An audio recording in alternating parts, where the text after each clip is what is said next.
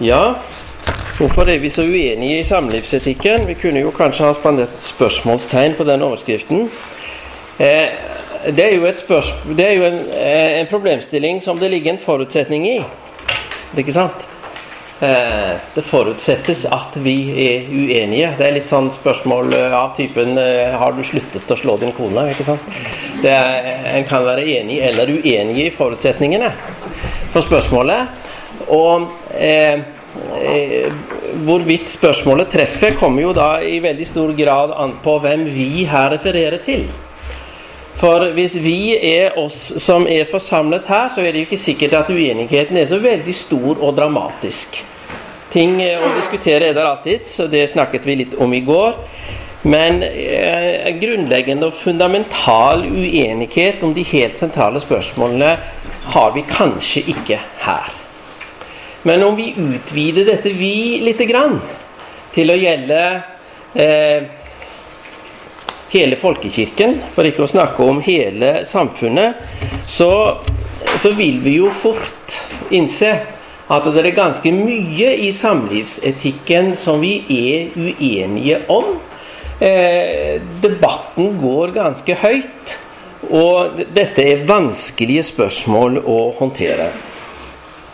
Så det som jeg har satt meg som mål med denne timen, er å forsøke å, å invitere til en refleksjon om hvorfor er det blitt slik?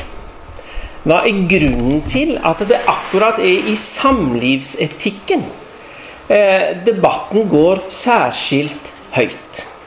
Vi kunne jo ha tenkt oss at det var andre sider ved den kristne tro som, eh, som liksom sto i sentrum for oppmerksomheten og, og, og skapte, skapte, de store problemene.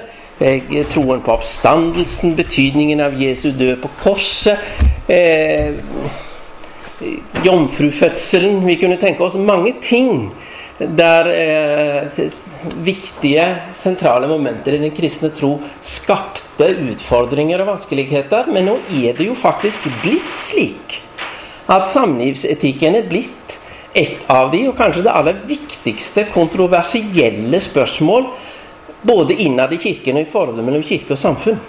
Og Det er faktisk litt interessant å reflektere over hvorfor er det blitt slik? Hva er det som er grunnen til at det er akkurat her det blir vanskelig og kontroversielt? Og Det er det jeg skal forsøke å si litt om nå. Så får vi se om eh, dere er enige eller uenige i, i min analyse og tilnærming til dette her. Først en rask repetisjon av det jeg snakket om i går. Eh, og det er kanskje ikke alle som, som, var her i går også. Da gikk jeg gjennom noen av de sentrale bibeltekstene og sa litt om hvordan de er blitt tolket i kirkens historie fram til og med reformasjonstiden. Og Jeg skal ikke gjenta den forelesningen nå, bare helt kort. Hva er det som er de viktigste tekstene her? Jo, det er eh, første Mosebok kapittel 1 og 2, skapt i Guds bilde til mann og kvinne, og eh, ordet i slutten av kapittel 2 om at eh, mannen skal forlate sin mor og far og holde seg til sin hustru, og de to skal være ett.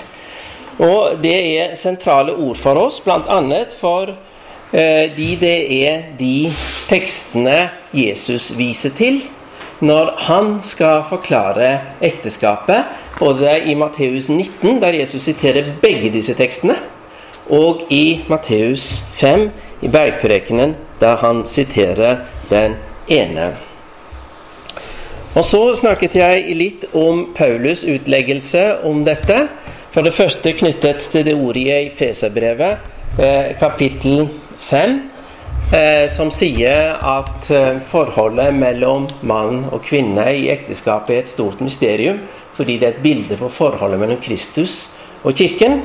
Og jeg snakket også litt om 1. Korinterbrev kapittel 7. Da der Paulus går konkret inn på dette og drøfter spørsmål om skilsmisse og ekteskapsoppløsning med henblikk på situasjonen i menigheten i Korint.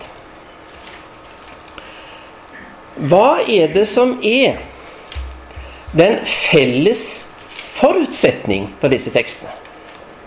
Hva, hva, hvilken tanke er det de bygger på, som en allmenn forutsetning? Jo, jeg tror vi ganske fort kan bli enige om at det er troen på Gud som skaper. At vi befinner oss i en verden som er blitt til ved Guds skaperord, og der Han har satt oss inn og gitt oss det vi er og har. Dette er den felles forutsetning for bibeltekstene. Ikke bare i det de sier om ekteskapet, men egentlig i det de sier om alt annet. Det er et grunnleggende skille i Bibelen som er mer grunnleggende tror jeg vi kan si, enn alle andre skillelinjer og distinksjoner der. Og det er skillet mellom skaperen på den ene siden og skaperverket på den andre siden. Gud er evig, uendelig. Det skapte er blitt til i tiden og begrenset på en annen måte enn den evige Gud er. Og det skillet, det er der og oppheves ikke. Men det bygges bro over det. Først og fremst i det Bibelen har å si oss om inkarnasjon. Altså at Jesus er både Gud og menneske. Slik at det i en viss forstand vi må kunne si at det fra Guds side er bygget bro over dette skillet. Når Gud skal vise seg for oss, åpenbare hvem han er, så gjør han det ved selv å bli et menneske. Ut av det så kan vi trekke en ganske interessant slutning. Nemlig at slik Bibelen framstiller dette, så er den fysiske virkelighet, den skapte, konkrete verden, er stedet for Guds nærvær og Guds velsignelse. Den mest konkrete manifestering vi har av det, har vi i Jesus. Fordi Jesus er sann Gud og sant menneske. Men i forlengelsen av det så ligger det også en tanke om at vi etterlever Guds vilje. Vi manifesterer hans idealer for livet ved den måten vi lever på. Altså den konkrete utforming av hvordan vi lever våre liv i tid og rom i den fysiske virkelighet. Det har med Guds vilje og med Guds nærvær å gjøre. Og en klassisk tekst i vår barnelærdom som jeg syns fanger opp dette helt sentrale bibelske poenget på en veldig god måte, er forklaringen til første trosartikkel i Luthers lille katekisme, der det sier at 'jeg tror at Gud har skapt meg og alle andre skapninger', og hver dag gir meg alt det jeg trenger for å leve'. Det er ikke tilfeldig at vi er slik vi er. At vi er mennesker utstyrt på den måten vi er. Og Luther går jo videre her og regner opp en helt konkret masse ting. Eh, hjem og familie og venner og mat og klær og sko og, og alt mulig. Og til og med fe, åker og eng, som kanskje ikke er så relevant for, for oss alle sammen. Men det aller meste som regnes opp der, er jo ting som vi får fra Guds hånd, som Guds gode gaver hver eneste dag. Og denne forutsetningen, at det konkrete menneskelivet er stedet for Guds gode gaver, er en veldig viktig forutsetning for den bibelske lære om hvordan livet skal leves. Ikke minst i det som angår livet i ekteskap og familie å gjøre. Fordi Ekteskap, familie, barn er Guds gode gaver til oss. Og det betyr også at han har en vilje med og en ønske om hvordan dette skal leves. Derfor er det ikke tilfeldig at ekteskapsetikken gis en såpass sentral plass i undervisningen både hos Jesus og Paulus. Fordi dette har med gudsforholdet å gjøre. vårt gudsforhold er ikke en sånn eh, rent åndelig størrelse som bare befinner seg i hodet, og så kan resten av livet være som det vil. Nei, vårt gudsforhold har med konkrete menneskeliv å gjøre. Fordi Gud viste, seg, viste hvem han var ved å bli et menneske. Og, og opphøyde på den måten menneskelivet, altså utformingen av menneskelivet. Den måten vi lever på, som, eh, som stedet for etterfølgelsen. Som stedet for å leve ut Guds gode vilje for livet. Denne bibelske forutsetning ble i, under den konstantinske folkekirkelighet i veldig langt på vei akseptert som en felles forutsetning for livet i fellesskap. For lovgivning og, og fellesskapsliv innenfor, eh, innenfor det kristne Europa.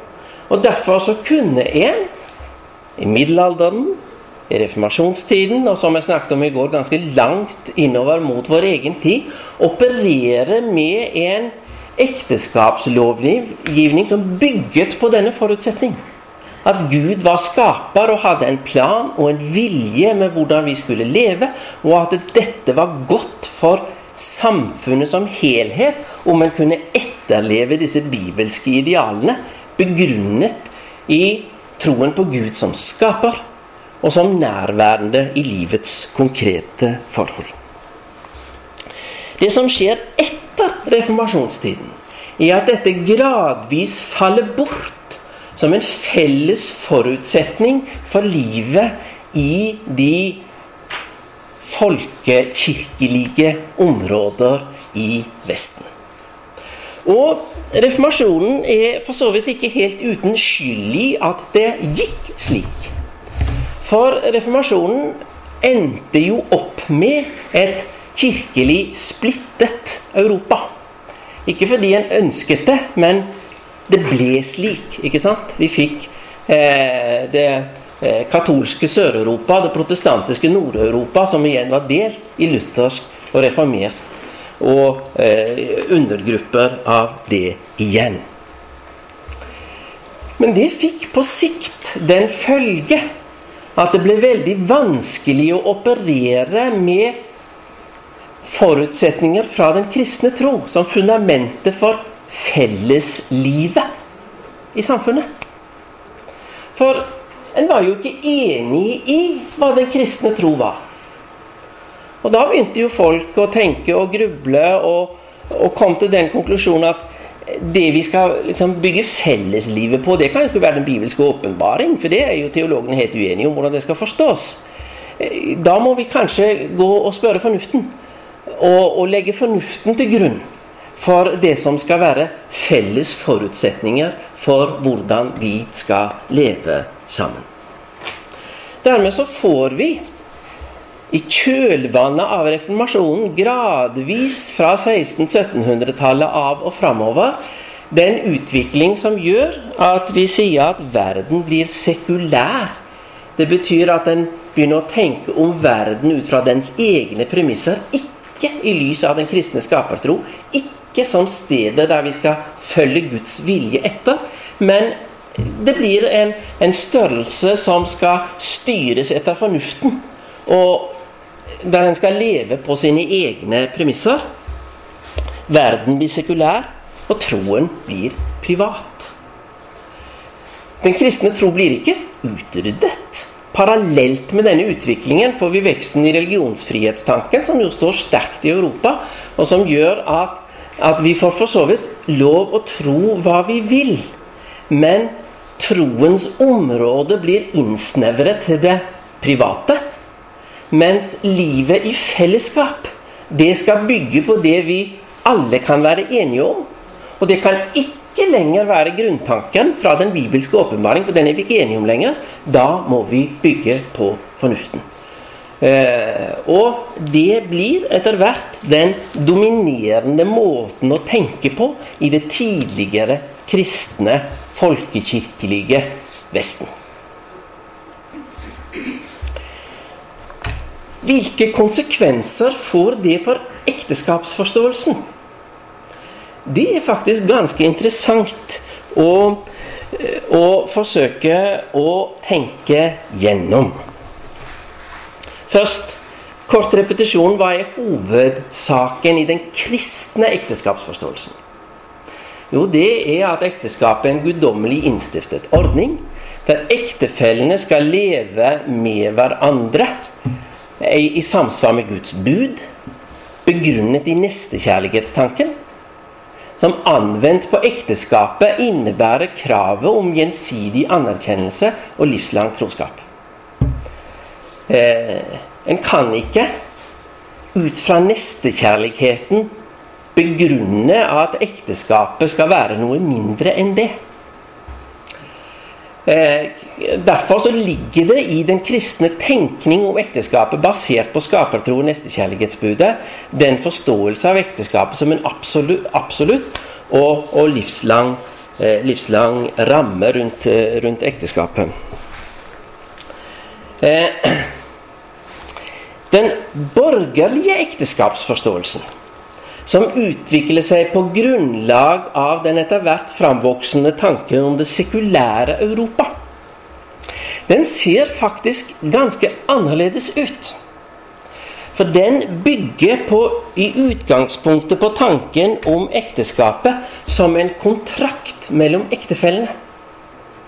Ekteskapet er noe som opprettes fordi to mennesker blir enige om at de vil leve livet sammen etter beste evne, så godt det går.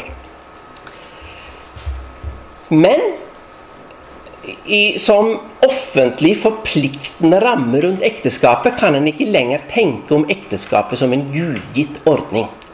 Den sekulære ekteskapsforståelsen forstår ekteskapet som en kontrakt mellom ektefellene og fra slutten av 1700-tallet av så får en denne ekteskapsforståelsen uttrykt forholdsvis eksplisitt. Vi har det f.eks.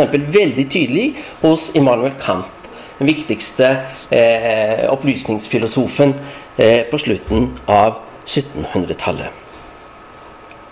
Hvilke konsekvenser av det? Jo, det innebærer at ekteskapet ikke lenger nødvendigvis trenger å tenkes som livslangt. Men det er betinget av ektefellenes enighet om at de vil fortsatt være gift med hverandre.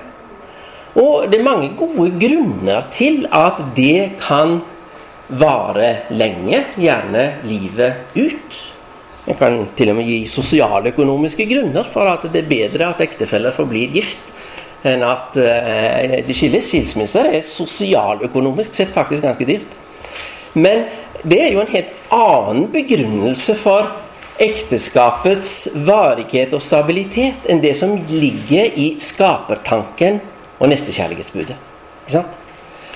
Um, og, og, det gjør jo også at skilsmisse ikke lenger nødvendigvis trenger å oppfattes som så dramatisk.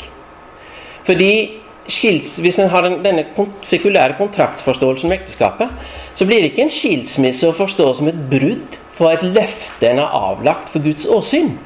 Men det blir å forstå som det at vi prøvde så godt vi kunne, men nå går det ikke lenger. Og det får vi egentlig bare ta konsekvensen av. Altså for, Forutsetningene for kontrakten er opphevet. Og da er det ikke noe mer å gjøre med det. Eh, mitt poeng er ikke at den måten å tenke på sånn umiddelbart overtar og styrer alle, eh, alle ektepars tenkning om ekteskaps, ekteskapsforståelsen, men den blir etablert som en relevant ramme som etter hvert slår inn i lovgivningen, og fra lovgivningen i den allmenne tenkning. Det får også interessant nok visse konsekvenser for innholdssiden av ekteskapet. Det er vanskeligere å påvise konkret. Det er lett, mye lettere å se endring i lovgivning. Men jeg, jeg, tror det er en eh, ikke helt urimelig påstand at dette etter hvert får konsekvenser for forståelsen av idealet for samlivet mellom ektefellene, som ikke lenger oppfattes som styrt av nestekjærlighetsbudet, men av juss og rettigheter, styrt av kontraktsforståelsen. Min plikt er slik, din plikt er slik. Jeg skal prøve å opprettholde mitt, og du skal prøve å opprettholde ditt, og så får vi se om hvorvidt vi får dette til å gå. Mens den kristne ekteskapstanken er jo styrt av forståelsen av ekteskapet som en mulighet til å realisere den guddommelige kjærlighet. Tenk på Efeserne 5.32 igjen. Kristus, menigheten. Den guddommelige kjærlighet som ideal for. Og, hos Paulus faktisk tenkt så radikalt at den forholdet ektefellen skal gjenspeile dette den så å si himmelen over ekteskapstenkningen blir borte når dette sekulariseres. Og da blir det et, et gjensidig kontraktsforhold styrt av juss. Og jeg tror også det er relativt lett å påvise at dette i praksis kommer til å prioritere menns behov på bekostning av kvinners. Og vi havner liksom en viss grad tilbake i den situasjonen som var utgangspunktet for Jesu skilsmisselov, eh, skilsmisselovgivning. Der han opprioriterte kvinner, så for så vidt også barns behov da, og sa at dette, dette er faktisk Guds vilje at dere skal holde fast på. Men når man får dette som kontraktsforhold, så blir det enklere å gå inn og ut av det. Og den som rammes når ekteskapstenkningen eh, svekkes, det er kvinner og barn. Og menn tar friheten med seg og går. Og jeg tror Dette er en litt dristig tanke, og eh, jeg, jeg vet ikke helt om jeg skal påstå at jeg har funnet gode belegg for den. Men jeg tror nok noe av feminismens kritikk av ekteskapet som en borgerlig ordning er begrunnet i en kritikk av denne sekulære ekteskapsforståelsen mer enn i en kritikk av den kristne. Fordi den kristne ekteskapsforståelsen er i utgangspunktet mye sterkere styrt av gjensidighet og likeverd.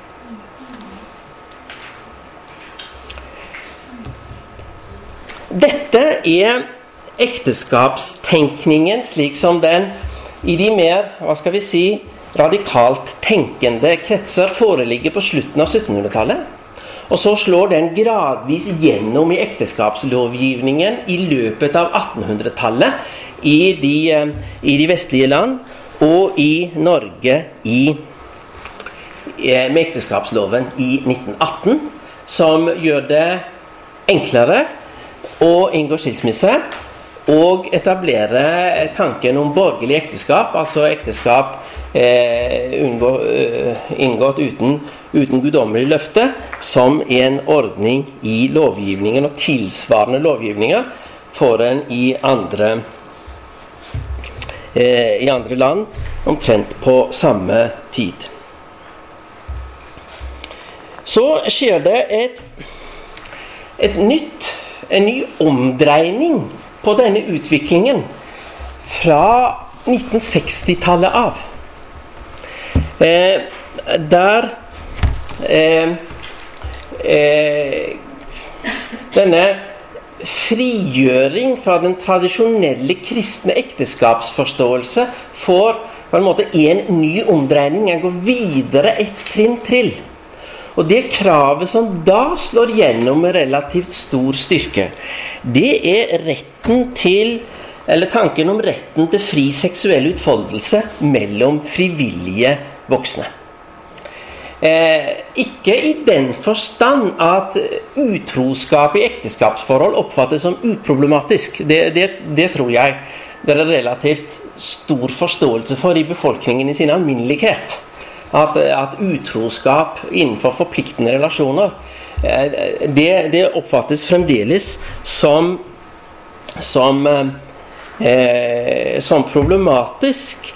Men der en ikke har inngått et forhold som oppfattes som forpliktende, så det, så kommer det da inn en tanke om at eh, en kan gjøre med sin seksualitet som en vil.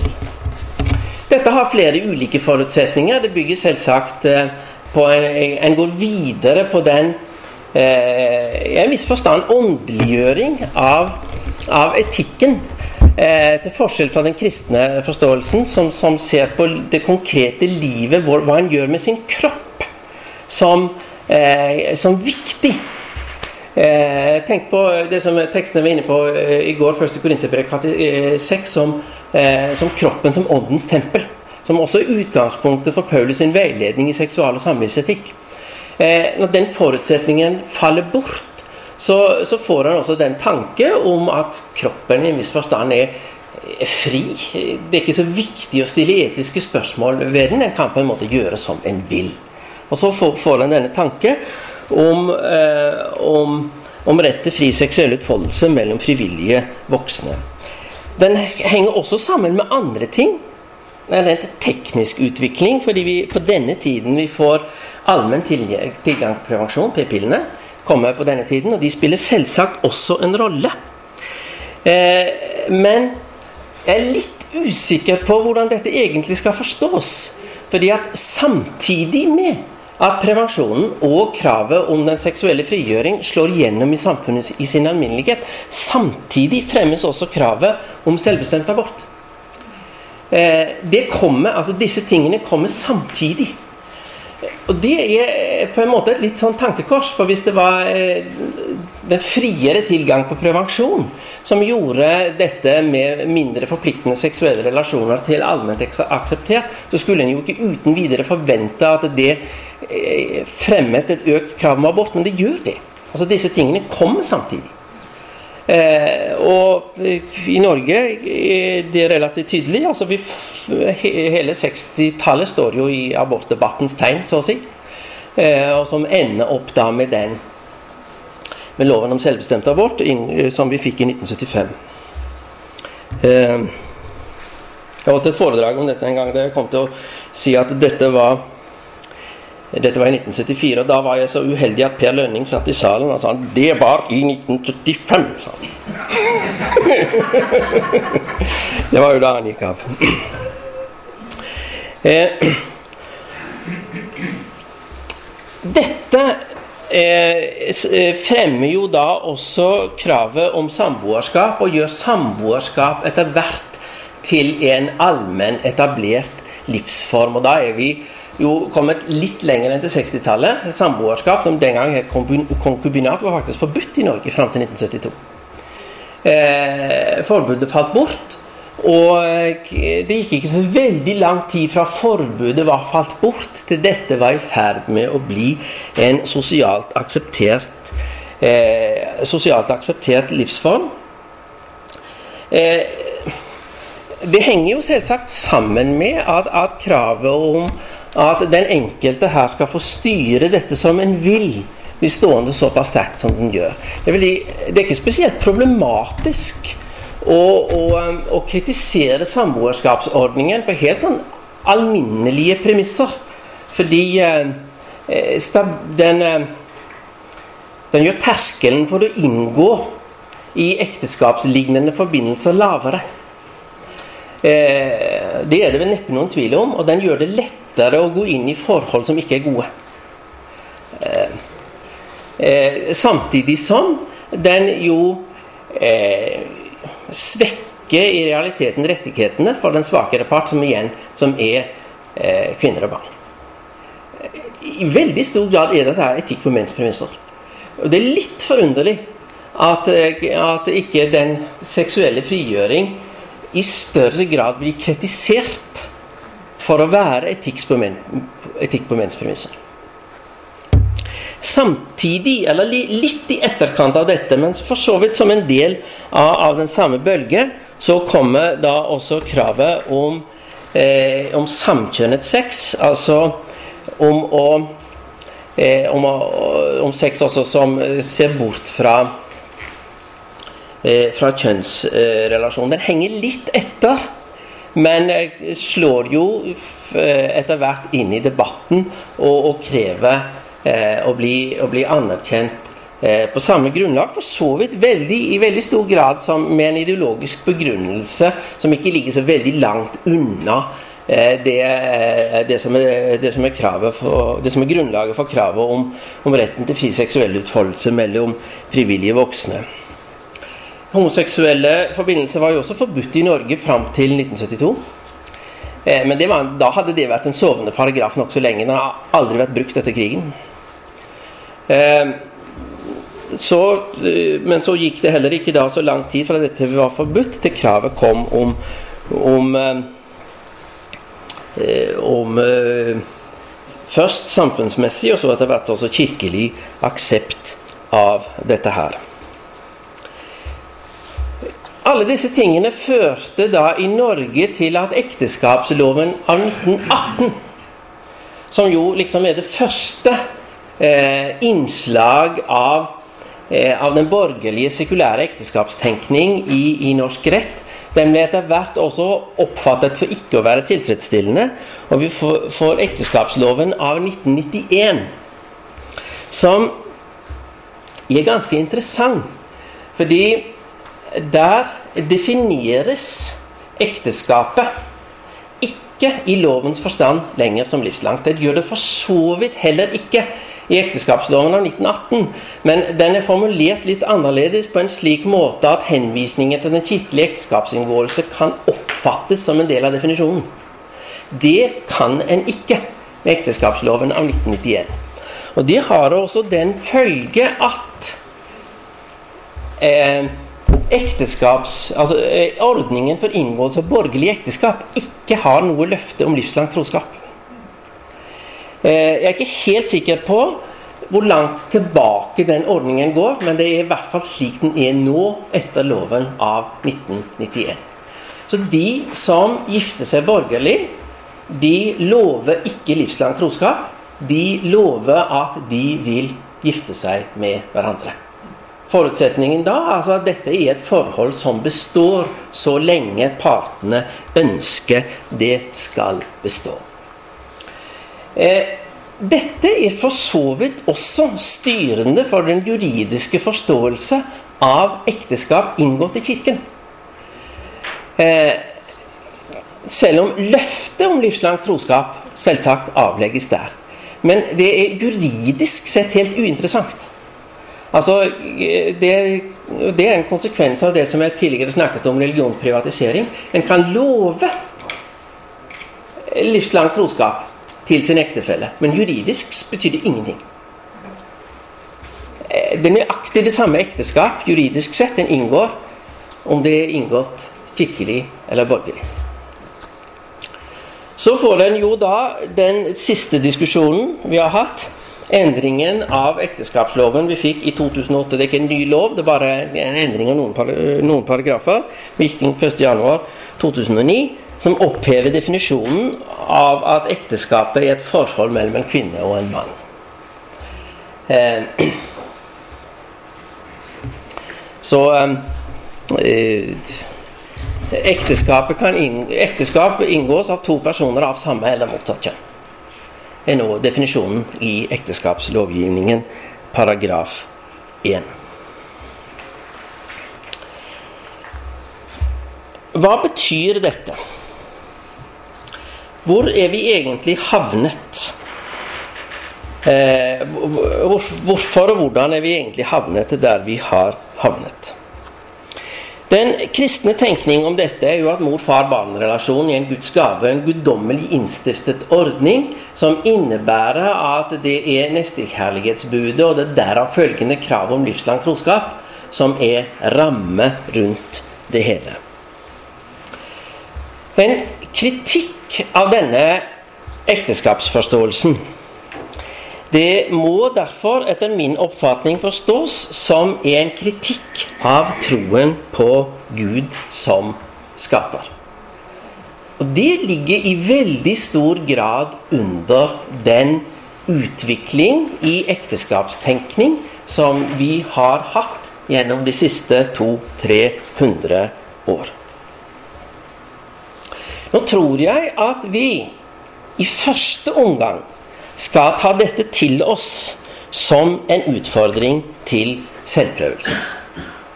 Fordi vi, ingen av oss, eh, er fullkomne. Og vi, vi er alle påvirket av den verden vi, eh, vi lever i. Og vi har nok litt av arvesynden, vi også, selv om vi er med i FBB. Eh, så eh, altså eh, eh, Dette tror jeg faktisk er et viktig poeng. Altså Her sitter vi i glasshus. Og eh, vi skal være forsiktige med å kaste stein på de som er på utsiden. Eh, fordi altså eh, vi, er, vi er alle påvirket av stemninger og strømninger som vil nedvurdere den kristne ekteskapstenkning. Og vil dra oss i retning av en annen måte å leve livet på. Enten vi er gift eller ikke. Det, det tror jeg vi skal være oss bevisst. Dette er i første omgang en utfordring til selvprøvelse. Og jeg tror også vi av dette skal lære en holdning av ydmykhet i forhold til alle som strever med dette. Og der skal vi inkludere oss selv. Men vi skal også tenke eh, med Eh, særskilt på de som har erfaring med skilsmisse, gjengifte, en annerledes seksuell orientering. Noen av disse strever med byrder og utfordringer som er ganske store, og som en del av oss faktisk har lite erfaring med. Og Det kan vi på ene siden sett takke for, men samtidig så skal vi la, la, la det ta det med oss som en ydmykhet overfor de som strever med andre bører enn de vi har selv. C.S. Lewis sa en gang det når de spurte han om hvorfor han hadde så lite å si om homofili. Ja, han hadde mer enn nok med de fristelsene han selv strevde med. Om han ikke skulle drøfte fristelser han aldri hadde kjent. Og, og, og, det tror jeg nok vi, vi, kan ta med oss som et memento her. Det er det er alltid lettest å bekjenne andres synder. Og det er alltid lettest å bekjempe andres fristelser. Samtidig så tror jeg nok også vi må, vi må ta med oss noe mer enn det. I ydmykhet og erkjennelse av at dette er ting vi alle strever med, så tror jeg ikke vi kommer forbi at på, på bibelsk grunnlag så er skilsmisse og gjengifte ikke noe som er uproblematisk. Eh, fordi eh, ekteskapet etter den guddommelige ordning eh, er en ordning som er tenkt å reflektere den guddommelige kjærlighet. Og da er ikke dette noe som kan avsluttes. Fordi den guddommelige kjærlighet avsluttes ikke. Derfor så er ekteskapet etter kristen tenkning et forhold som består til døden skille til Gud selv sette, eh, sette skille. Og det, Vi kan diskutere hva det,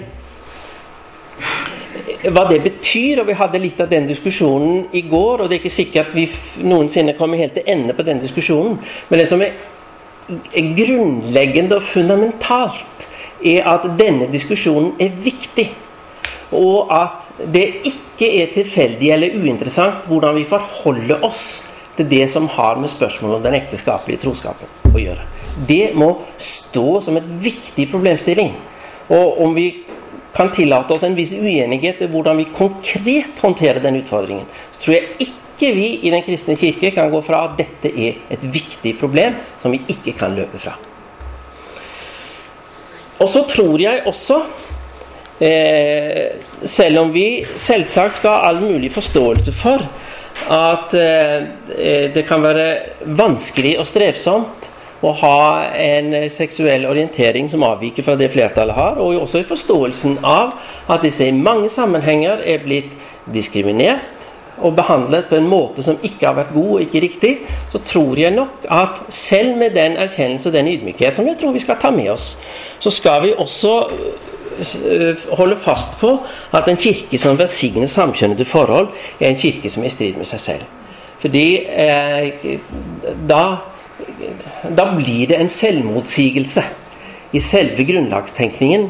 Og det, eh, og det, blir det på sikt vanskelig å leve med. Det skal ikke invitere oss til fordømmelse, og det skal ikke invitere oss til å ta vanskelige problemstillinger lettvint.